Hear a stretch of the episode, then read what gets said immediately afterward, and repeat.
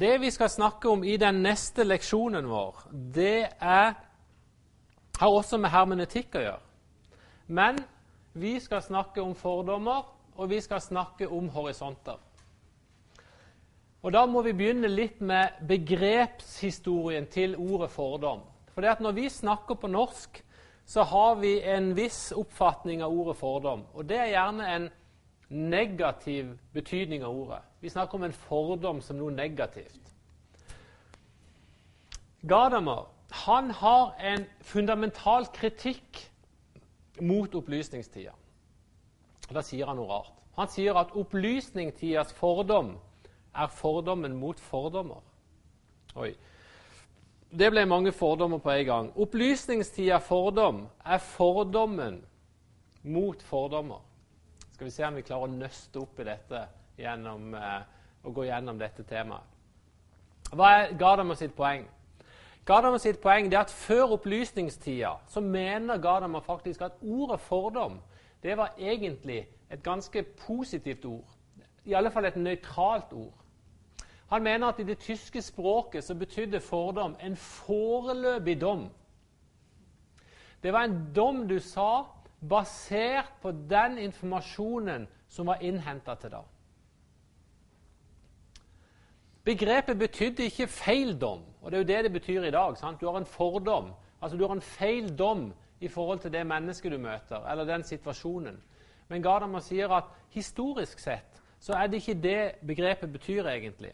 Historisk sett så betyr dette begrepet ganske enkelt at det er en foreløpig dom basert på den kunnskapen som foreligger nå.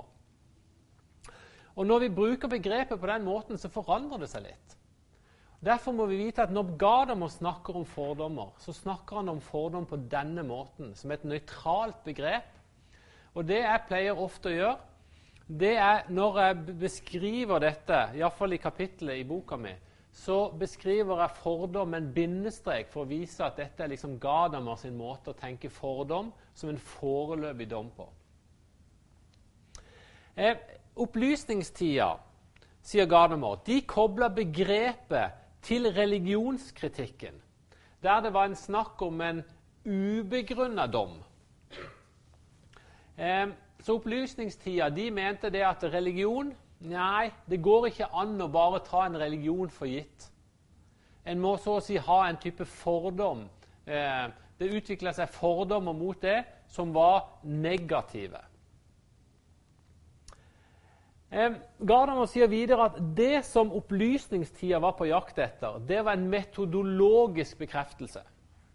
Og Her må vi ha et sånn lite idéhistorisk tilbakeblikk. Hva var opplysningstida?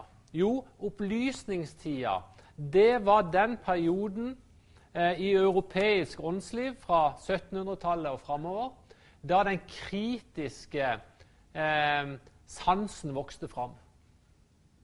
Nå var det ikke sånn lenger at vi skulle tro på noe fordi at kirka sa det, eller fordi at en autoritet sa det. Nå skulle alt bevises.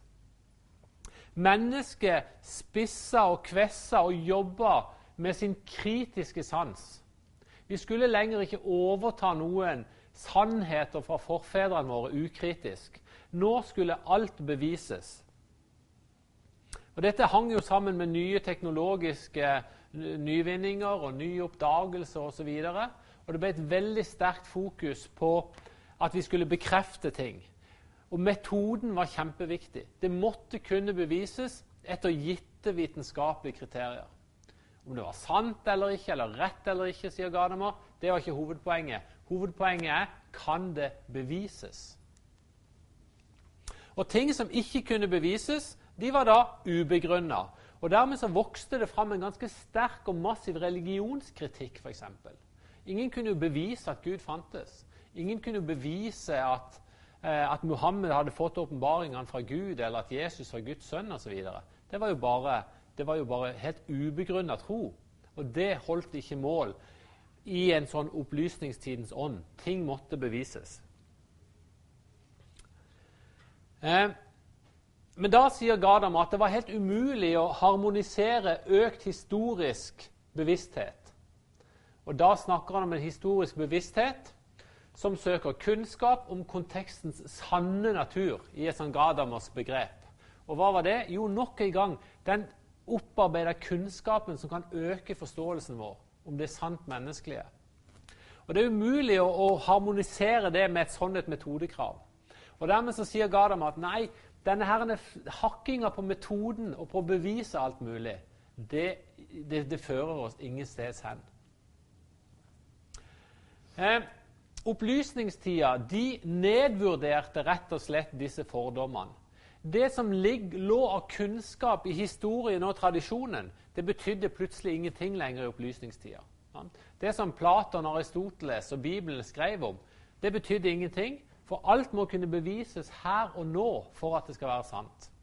Det er klart, Gadamer han karikerer opplysningstida for å få fram sine egne poenger, selvfølgelig. Men han har jo, han har jo eh, for så vidt sant.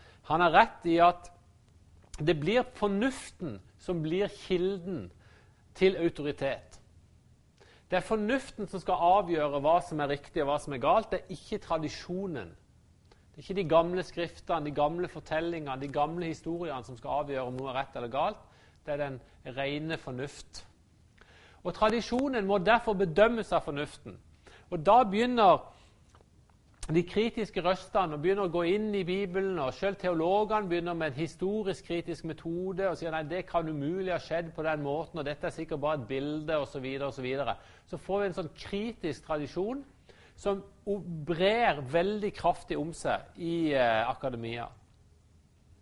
Gadamo sier at logos, som betyr ordet, det beseirer mytos, som er fortellinga eller myten.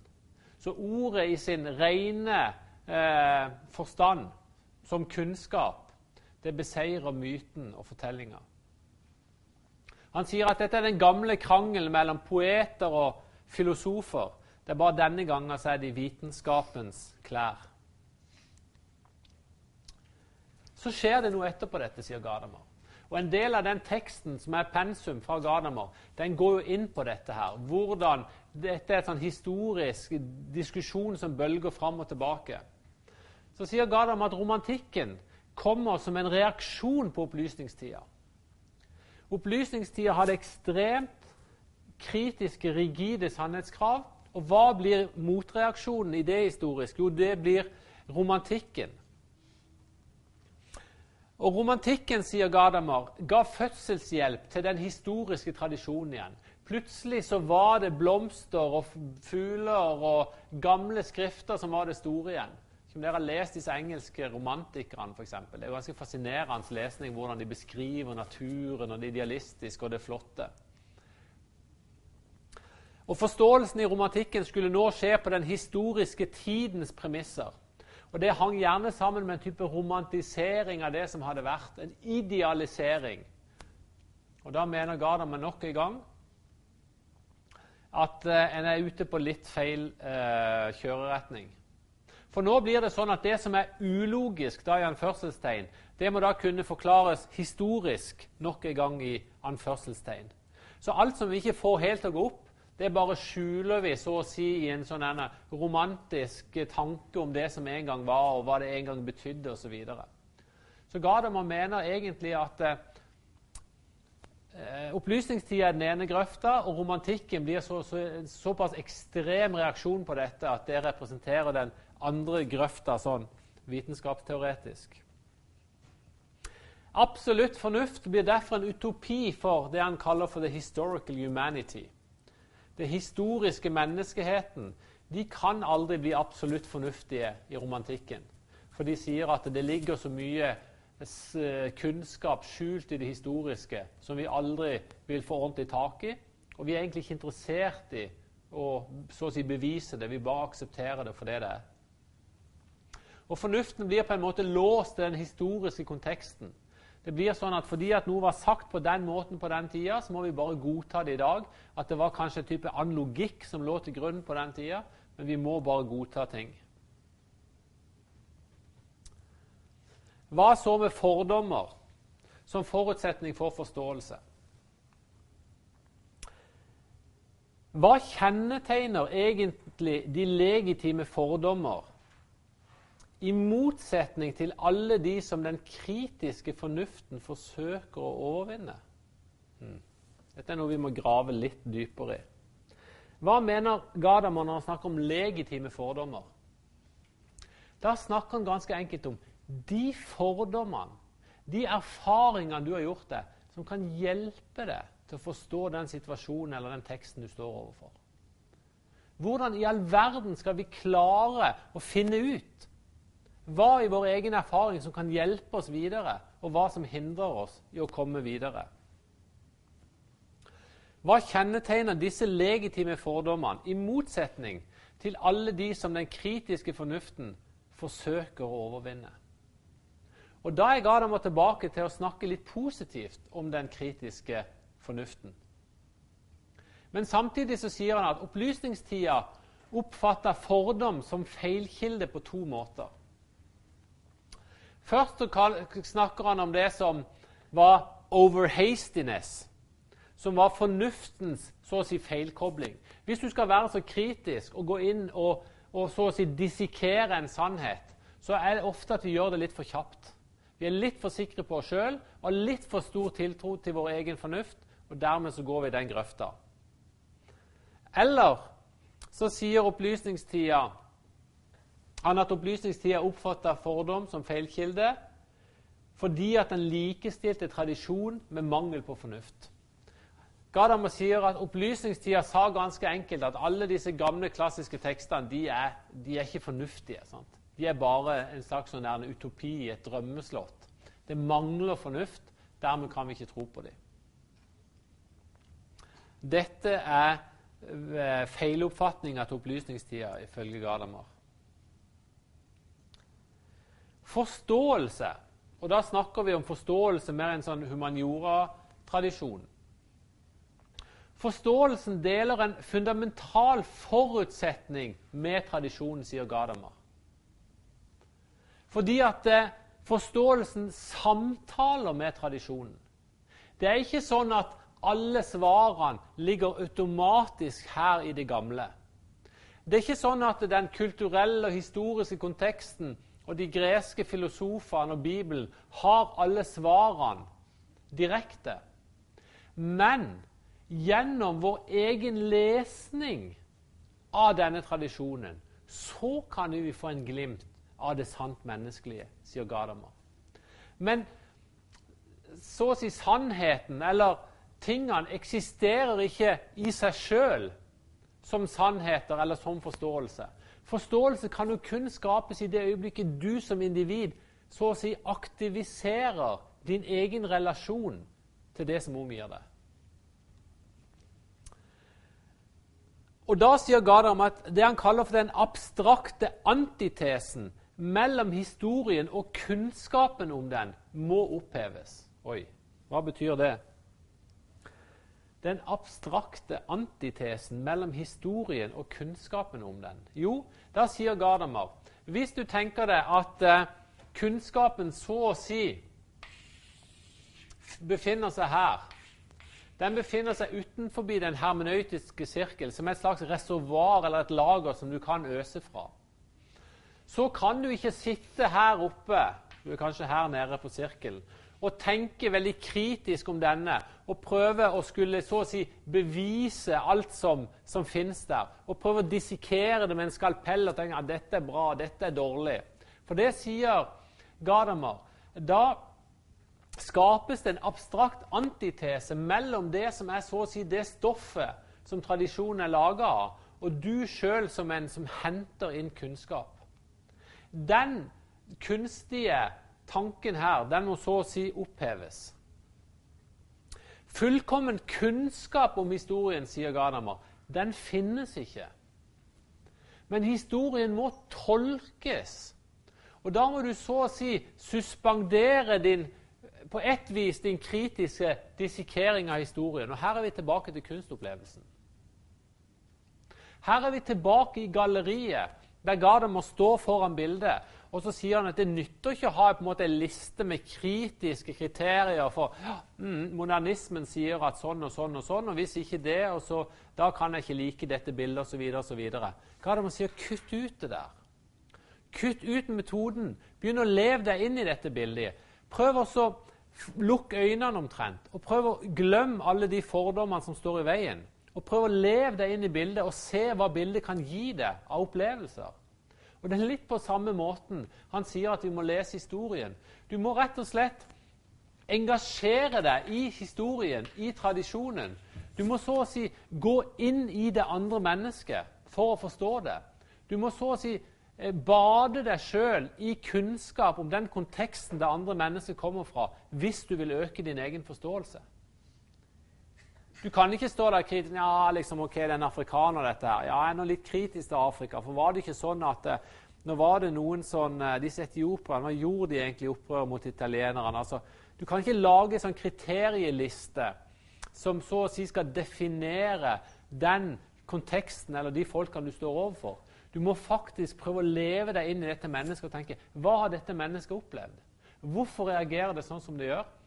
Hva i den kulturelle bakgrunnen er det som har gjort, hva slags familieforhold har gjort til at denne pasienten tenker på den måten? Hvorfor er det sånn at her har vi hele den etiopiske storfamilien på gangen på sykehuset? Skjønner de ikke at vi har besøkstid mellom fire og seks? Sant? Nei, de gjør ikke det. For der de kommer fra, så er det familien som har ansvar for alt under et sykehusopphold. Hvis du legger inn en pasient på et sykehus i Afrika, så finnes det ikke et eneste laken. Hvis du er heldig, så finnes det en madrass. Kanskje finnes et lite hjørne av et sementgulv. der skal den pasienten være. Og Hvis den pasienten skal ha det noenlunde bra, så må familien ha med seg et madrass, de må ha med seg laken, de må ha med seg mat. Og Dermed så må de jo sette opp et lite kjøkken der ute, så må de begynne å koke mat. Så er det de som har ansvar. En sykepleier i Afrika det er ikke en pleier i norsk forstand. En sykepleier i Afrika det er en minidoktor som kommer rundt og gir deg akkurat de medisinene du, du, trenger. For det at det er så mye å gjøre at de har ikke kjangs til å bry seg om denne pasienten som vi har i det norske samfunnet. Hvem skal gjøre det? Jo, det skal familien gjøre. Og selvfølgelig En sånn familie som kommer til Norge, de forventer jo, de tenker at det er min plikt å være, omslutte denne pasienten med all min kjærlighet døgnet rundt. Og hvem er disse plagsomme sykesøstrene og legene som holder oss unna vårt eget kjøtt og blod? Det er jo helt umulig å forstå. Det er det som er konteksten for innvandrere som kommer til Norge første gang. Første gang de møter det norske helsevesen, så er det kanskje den ballasten de har med seg. Det er det som er de sin historie. Det er det som er de sin forståelse. Og hvis du har tenkt å øke din egen kunnskap om den pasientgruppa, så må du øke din egen kunnskap om den kulturelle konteksten de kommer ifra. Og Da kan du kanskje forklare at i Norge er det faktisk litt annerledes. Det er vår jobb å gjøre det som du gjør i Etiopia eller i Kamerun eller i Tanzania når ungen din blir syk. Det er vi som skal pleie den. Det er vi som skal ta oss av dem. Det er vi som skal lage mat. Og Dessverre så er det sånn at for at vi skal kunne gjøre dette, så har du bare mulighet til å være, komme på besøk da og da. Helt konkret så er det sånn, tror jeg, Gardam tenker. Denne herrene, eh, hvordan historien og tradisjonen kan være et kunnskapsreservoar som vi kan øse ut ifra. Men hvis vi skal komme inn i dette, så kan vi ikke tenke å nei, nå kommer disse herrene, eh, innvandrere nå igjen sant, med sine greier. Vi må rett og slett gjøre jobben der og tørre å sette oss inn og stirre i øynene og spørre eller lese om dette, eller snakke med noen som har vært der. Eller, eller, eller.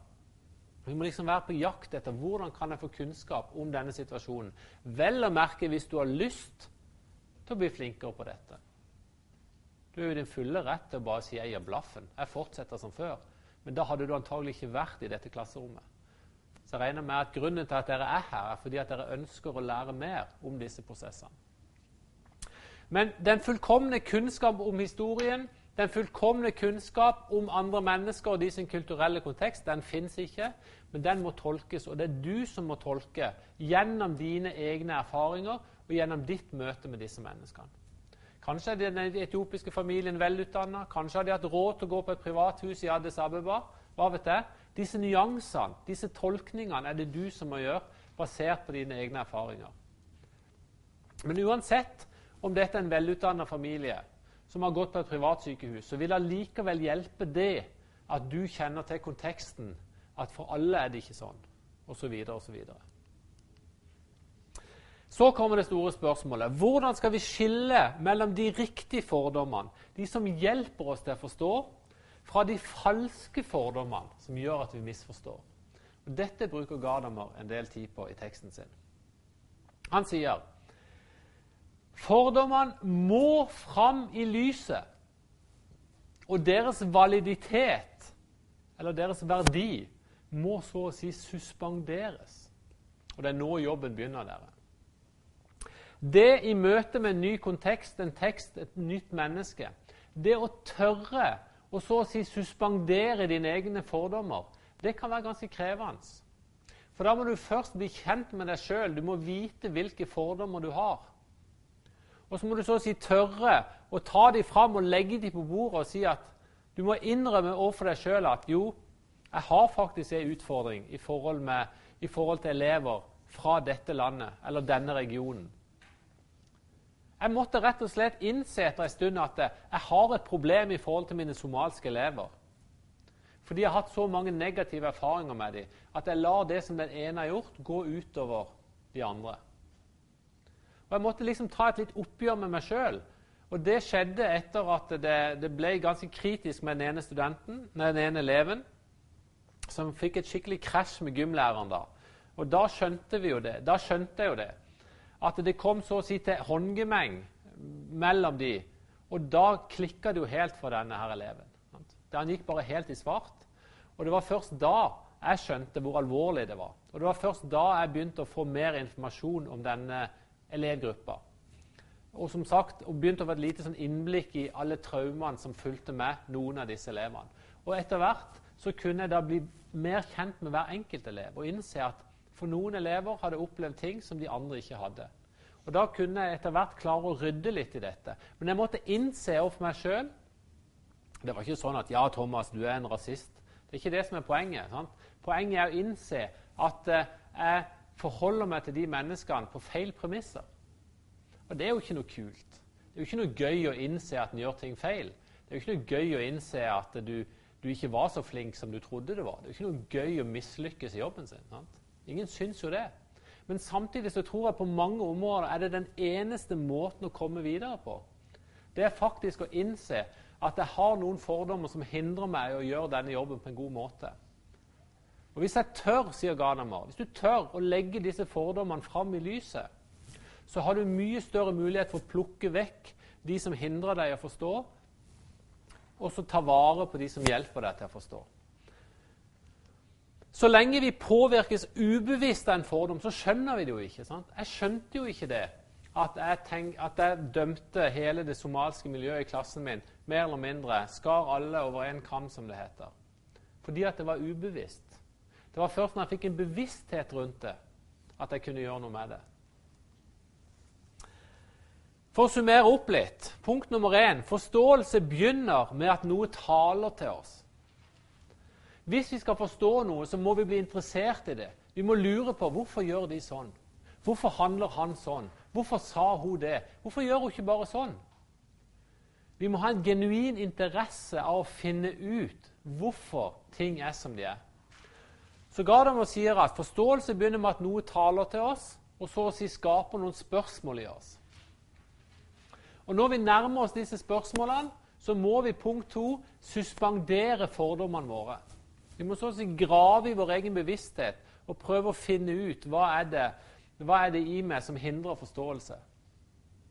Altså må forståelse uten dom eller fordom struktureres som et spørsmål. Hm, hva er dette her egentlig?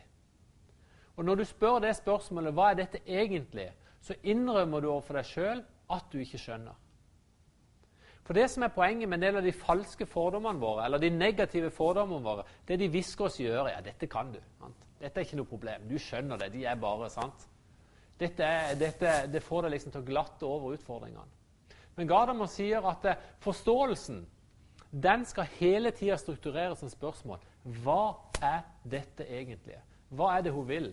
Hva er det han er ute etter? Hva er det denne teksten egentlig prøver å fortelle meg? Da er vi i den rette situasjonen til å forstå.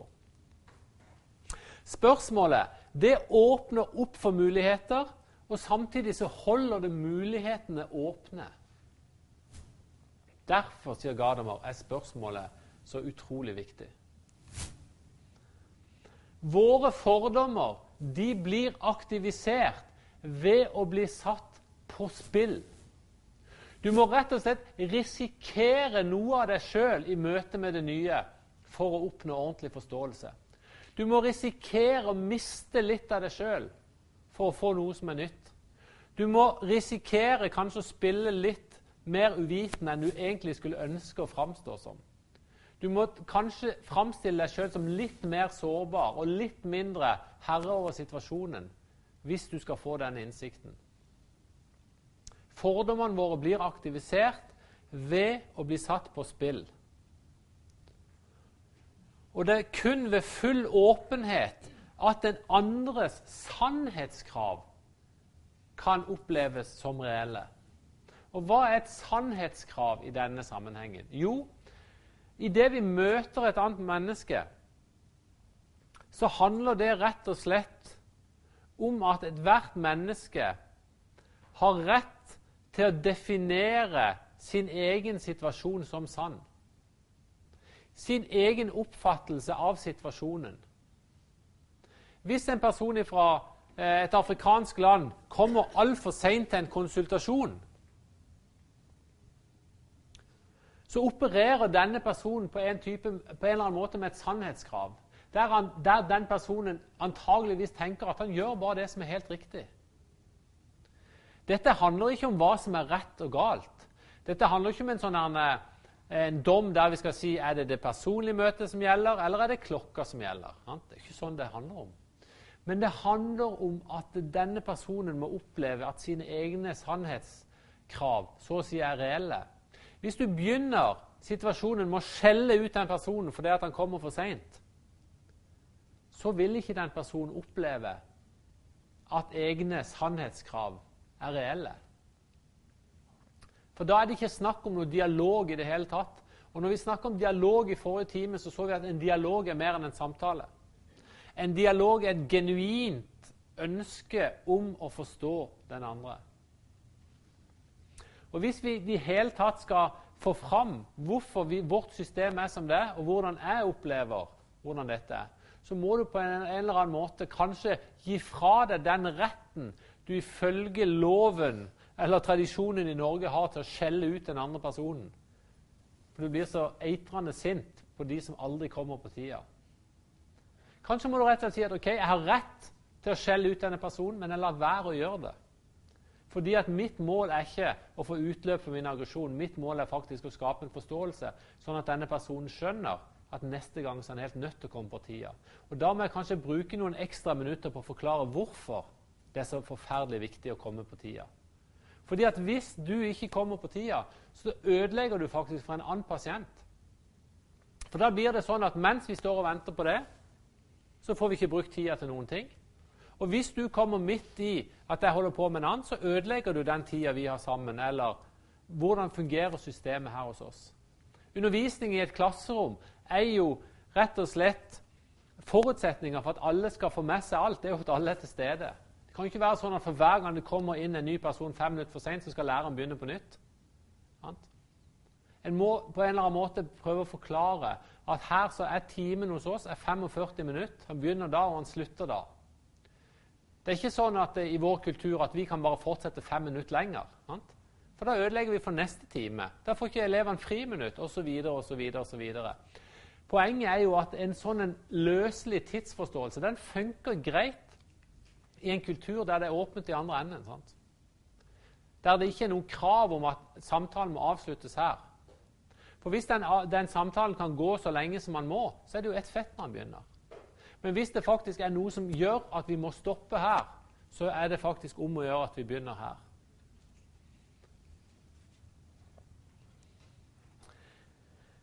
Det sanne historiske objekt, sier Gadamer, det er ikke et objekt, men en del av vår forståelse. Hva betyr det? Jo, det betyr at den kunnskapen som befinner seg her, dette reservoaret av historisk og kulturell kunnskap som vi så, å si øser av, det er ikke en objektiv størrelse. Den har ikke noe verdi i seg sjøl. Han har kun verdi i det øyeblikket han blir aktivisert inni mitt hode. Da kommer han så å si til liv. Tradisjonen er på en måte død helt til han blir levende. Og hvem gjør tradisjonen levende? Jo, det er mitt møte med tradisjonen som gjør at dette kan bli en ressurs for meg i møte med et nytt menneske, en, nytt, en ny tekst osv. For å gå litt tilbake til eh, dette med våre fordommer som blir aktivisert ved å bli satt på spill, så bruker Gadamer sjøl et ganske interessant eh, ordspill der. Vår forståelse, sier han, blir satt i spill ved å bli satt på spill. Det betyr at vår forståelse blir aktivisert i det øyeblikket vi er rede til å miste det vi har. Det er først i det øyeblikket du er rede til å miste noe, at du faktisk skjønner at du eier noe. Eller at du skjønner at du vil kunne få noe mer. Men det betyr at det er en ganske krevende prosess å gå inn i dette. Det betyr at det å forstå andre mennesker det er ikke noe som kommer gratis. Det er ikke noe som kommer helt av seg sjøl. Det er noe som vi er nødt til å jobbe for. Og så dukker jo ofte det evinnelige spørsmålet opp. ja, hva er, hva, hvor, Men i praksis, da? Dette er jo helt umulig å gjennomføre i praksis. Selvfølgelig er det helt umulig å gjennomføre en sånn, en, en sånn en prosess med hvert eneste menneske du møter. Og Noen sier at ja, men Gadamer, det er jo helt idealistisk filosofi. Har du noen gang møtt et annet menneske? Du skjønner jo, det kan jo ikke gå, osv. osv. Ja, sier Gadamer, Jeg vet alt det der, men jeg tror allikevel at dette er den eneste veien vi har å gå. Samtidig så skal vi se senere at det handl dette handler jo ikke om å legge seg flat for det som er annerledes. Men det handler om at hvis vi er genuint er interessert i å forstå, så er dette faktisk den eneste veien til forståelse. Det å bli bedre kjent med oss sjøl og det å være villig til å måtte ta de kampene som følger av det, ta de utfordringene som følger av at vi går genuint inn i dette. Vi skal snakke litt mer om den, eh, hva skal vi si, den praktiske sida av dette etter hvert. Vi skal se litt på hvorfor det ikke alltid fungerer. Vi skal prøve å se litt sånn helt konkret hva betyr dette osv. Men jeg tror at hvis vi skal øke vår interkulturelle kompetanse, så tror jeg det at Ghanamo gir oss et veldig, veldig godt verktøy. Hvorfor det? Jo, fordi han sier at vi er nødt til å begynne med oss sjøl. Vi må på en eller annen måte se innover i oss sjøl samtidig som vi ser utover. Sant? Vi må se utover og se hva som finnes der ute. Hva er tradisjonen, hva er kulturen osv. Men vi må være klar over at de viktigste prosessene de skjer inni oss sjøl. Og de skjer i en dialog med det som ligger utenfor oss sjøl. Og dermed får vi det som vi kaller for sånn dialektisk virkning. sant? Vi skal lære litt senere om dette med tese og antitese og syntese. Sant? Det er litt som sånn sokratisk over det. Vi stiller et spørsmål, og så får vi et svar, og så får vi litt mer kunnskap. Så får vi så mye kunnskap at vi kan stille et litt mer avansert spørsmål, og så får vi et svar. Og På bakgrunn av den opparbeida kompetansen og kunnskapen så kan vi spørre mer og mer kompliserte, mer og mer avanserte spørsmål etter hvert, og det vil øke vår forståelse. Men vi må gidde å stille de spørsmålene. Vi må ta oss tid og komme oss i en sånn en situasjon at vi klarer å få dette her. Og Vi hadde et fantastisk vitnesbyrd på en muntlig eksamen. Det var, veldig, det var faktisk veldig artig. Eh, vi hadde muntlig eksamen i dette kurset. Og så var det ei dame som var godt opp i årene. Jeg tror hun var over 60 år. Eh, og Jeg hadde med meg en ekstern sensor på den eksamen. og Han hadde jo ikke vært med på kurset, han hadde jo ikke skjønt hva vi snakka om. Men hun kom bare inn og så satt hun sånn her så sa hun, Nei, du, dette kurset det har vært så fantastisk. For før, når jeg møtte mennesker, så bare tenkte jeg nei og nei og nei. Men nå Når jeg ser et nytt menneske, så tenker jeg hvordan kan jeg forstå det? Hvordan kan jeg komme inn? Hvordan kan jeg komme i dialog? Og Den eksterne sensoren han sa liksom der øh, Det var det dere snakker om på dette kurset. Men det var, det var sånn et fantastisk vitnesbyrd i at hun sa, det, hun sa det i en alder av 60 år. Så sa hun at nei, arbeidsdagen hennes var helt forandra. Det var liksom en, liksom en nytt, ny måte å, å, jobbe på, sa hun. Og det var, eh, det var litt morsomt, da. Fordi det, For meg så ble det en bekreftelse på at det går faktisk an. Og mange ganger så handler det rett og slett om å komme ut av noen negative mønstre vi er kommet inn i. Det, det, kan rett og slett være en type en teknikk. Vi må ikke si metode, for det liker ikke Gadamer. Vi kan si at det er en, en, teknikk, en forståelse, som hjelper oss å komme ut av et negativt spor som vi har kommet inn i. Og det kan hjelpe oss til å tenke på en litt ny måte. Vi skal se litt på den effekthistorien som Gardamer snakker om, når han sier at forståelse er en historisk, affektert begivenhet, hva betyr det? Jo, det betyr ganske enkelt at forståelse er en prosess som er påvirka av historien. I det øyeblikket vi forstår, så er det fordi at vi klarer å si, koble oss på det som har vært. Eller vi, vi kobler oss på den andre sin livserfaring. Forståelse er så opplagt, sier han, fordi det andre framstår i så stor grad som oss sjøl at ikke vi kan skille det. Det er jo det som gjør at vi går på autopilot hele tida. Vi tenker ikke over ting. fordi at det, det, som er rundt oss, det er så opplagt. Jeg kjenner denne skolen så godt, jeg kjenner klasserommene så godt. Jeg trenger liksom ikke stille spørsmålstegn ved alt det som skjer. Og Jo mer vi kan om det som er annerledes, jo lettere vil det være å omgås det flerkulturelle. Fordi at Da vil autopiloten vår koble inn på en riktig måte òg i forhold til de andre tingene. Det andre det blir mer eller mindre oss sjøl. Og Da er poenget at all sjølinnsikt er da påvirka av denne historien. Så alt som vi, eh, alt som vi, vi eh, kan om oss sjøl, det er påvirka av det som har skjedd rundt oss. Så sier Gadamer at nåtida har begrensninger. Og vi som mennesker vi har en begrensa horisont. Vi skjønner ikke alt. Vi kan ikke se eh, verden fra alle sider samtidig. Når jeg står her framme foran dere, så kan jeg se dere i auditoriet. Men jeg kan ikke se tilbake på meg sjøl. På samme måte som dere kan se meg, men dere kan ikke se dere sjøl. Altså, vi som mennesker har hele tida begrensa synshorisont. Men det Gardam sier, det som er så fint, sier han, det er det at hvis vi beveger oss, så får vi en ny horisont. Hvis jeg beveger meg bort hit, så ser jeg dere på en annen måte. Og vi som mennesker vi har den genuine egenskapen at vi faktisk kan bevege oss, og på den måten se ting på nye måter.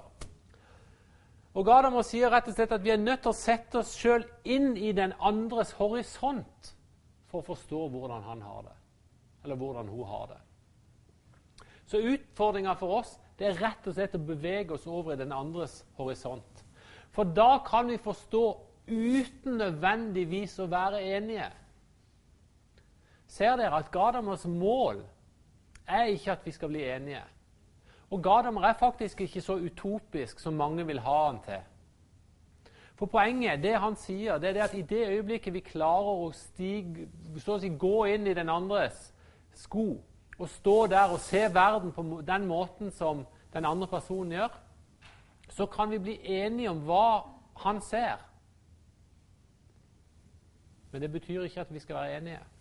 Og det her betyr det at eh, du som lærer du bestemmer over elevene. Du som er leder i en bedrift, du bestemmer over dine ansatte. Og du som er sykepleier, du bestemmer over pasientene. Og Sånn skal det være. Og Det er ikke det det handler om at dere skal bli like og enige.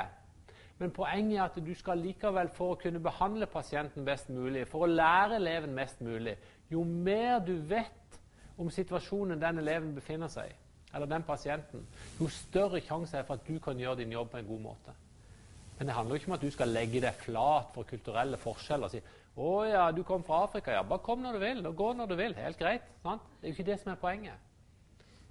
Poenget er at du skal bruke din kunnskap til å fortelle den eleven hvorfor det er viktig i en norsk skole at alle er nødt til å komme på tida. Vi trenger ikke være enige. Gadamer sier den som ikke har noen horisont, er et menneske som ikke ser langt nok, og som derfor overvurderer det nærliggende. Omvendt betyr det å ha en horisont og ikke være begrenset til det nærmeste og kunne se utover dette. Den som har en horisont, vet å gi en riktig vurdering av alle tings betydning innenfor den horisonten, med henblikk på om det er nært eller langt borte, stort eller lite. Å utarbeide den hermenautiske situasjonen betyr tilsvarende å oppnå en riktig spørsmålshorisont for de spørsmålene som overleveringen stiller oss ovenfor. Det handler om å stille de rette spørsmålene. Og for å stille de rette spørsmålene så må du ha en viss innsikt i den andre personens situasjon. Gadamer sier videre at, at, vi har en sånn egen horisont som bare er vår, som vi har laga sjøl. Det er en illusjon. Han sier også at det at kulturer har egne horisonter, det er en abstraksjon.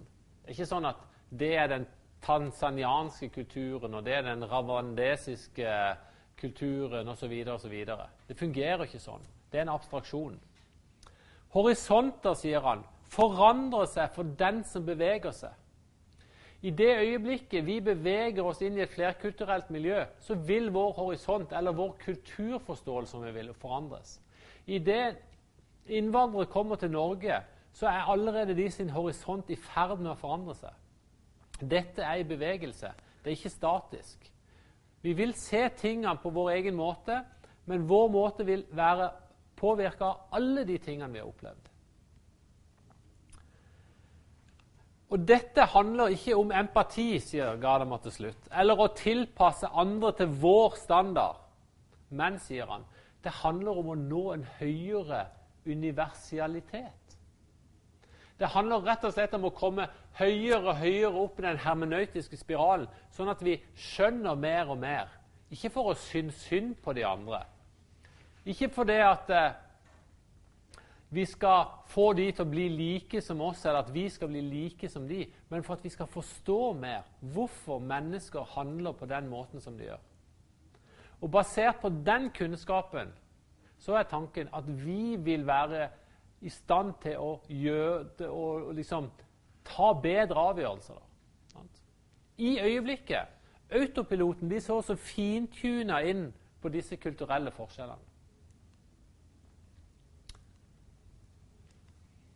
På samme måte, sier Gadamer, som det enkelte mennesket aldri står alene fordi det alltid allerede lever i samforståelse med andre mennesker, så er det også en abstraksjon å snakke om en lukket horisont som skal romme en kultur. Den menneskelige værens historiske bevegethet betyr at den ikke er stedbundet i absolutt forstand, og at den derfor heller ikke lever innenfor en strengt lukket horisont. Horisonten er snarere noe vi selv beveger oss inn i, og som beveger seg sammen med oss. Horisontene forskyver seg i forhold til den som beveger seg. Sitat slutt. Horisonten er snarere noe vi selv beveger oss inn i, og som beveger seg sammen med oss. Horisontene forskyver seg i forhold til den som beveger seg. Vær i bevegelse, sier Gadamer. Våg å sette deg inn i en annen eh, persons eh, sted. Nåtidens horisont forandrer stadig. Hvorfor? Jo, fordi vi hele tida må teste ut fordommene våre. Derfor er det forandringer. Forståelse handler om at forskjellige horisonter som vi tror eksisterer hver for seg, så å si smelter sammen. Og Det er kanskje det mest kjente begrepet for de som har lest noe Gadamer tidligere. Det er, ting, det er tre ting med Gadamer. Vi snakker om den hermenøytiske sirkel. Vi snakker om en ny forståelse av fordommer. Og så snakker vi om horisontsammensmelting. Og Det er så å si det ultimate målet. I det øyeblikket vår forståelse smelter sammen med teksten, vår horisont Vi blir så å si ett. Det blir jo litt sånn der eh, Kanans språk, da. Men, men, men, men, dette er liksom eh, Jeg tror Gadamer forsøker å si noe viktig her.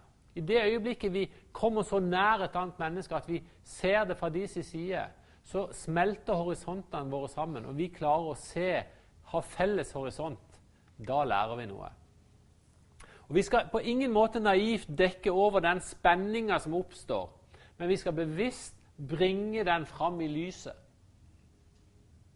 Nok en gang, Vi skal ikke være naive og si at alt er like greit. og ja, Kom med alle deres eh, måter å se ting på, så skal vi forandre oss. Nei, det er ikke sånn. Og Gardamer sier det er ikke det som er poenget, sier han. Og For at en kultur og et samfunn skal fungere, så må det være regler.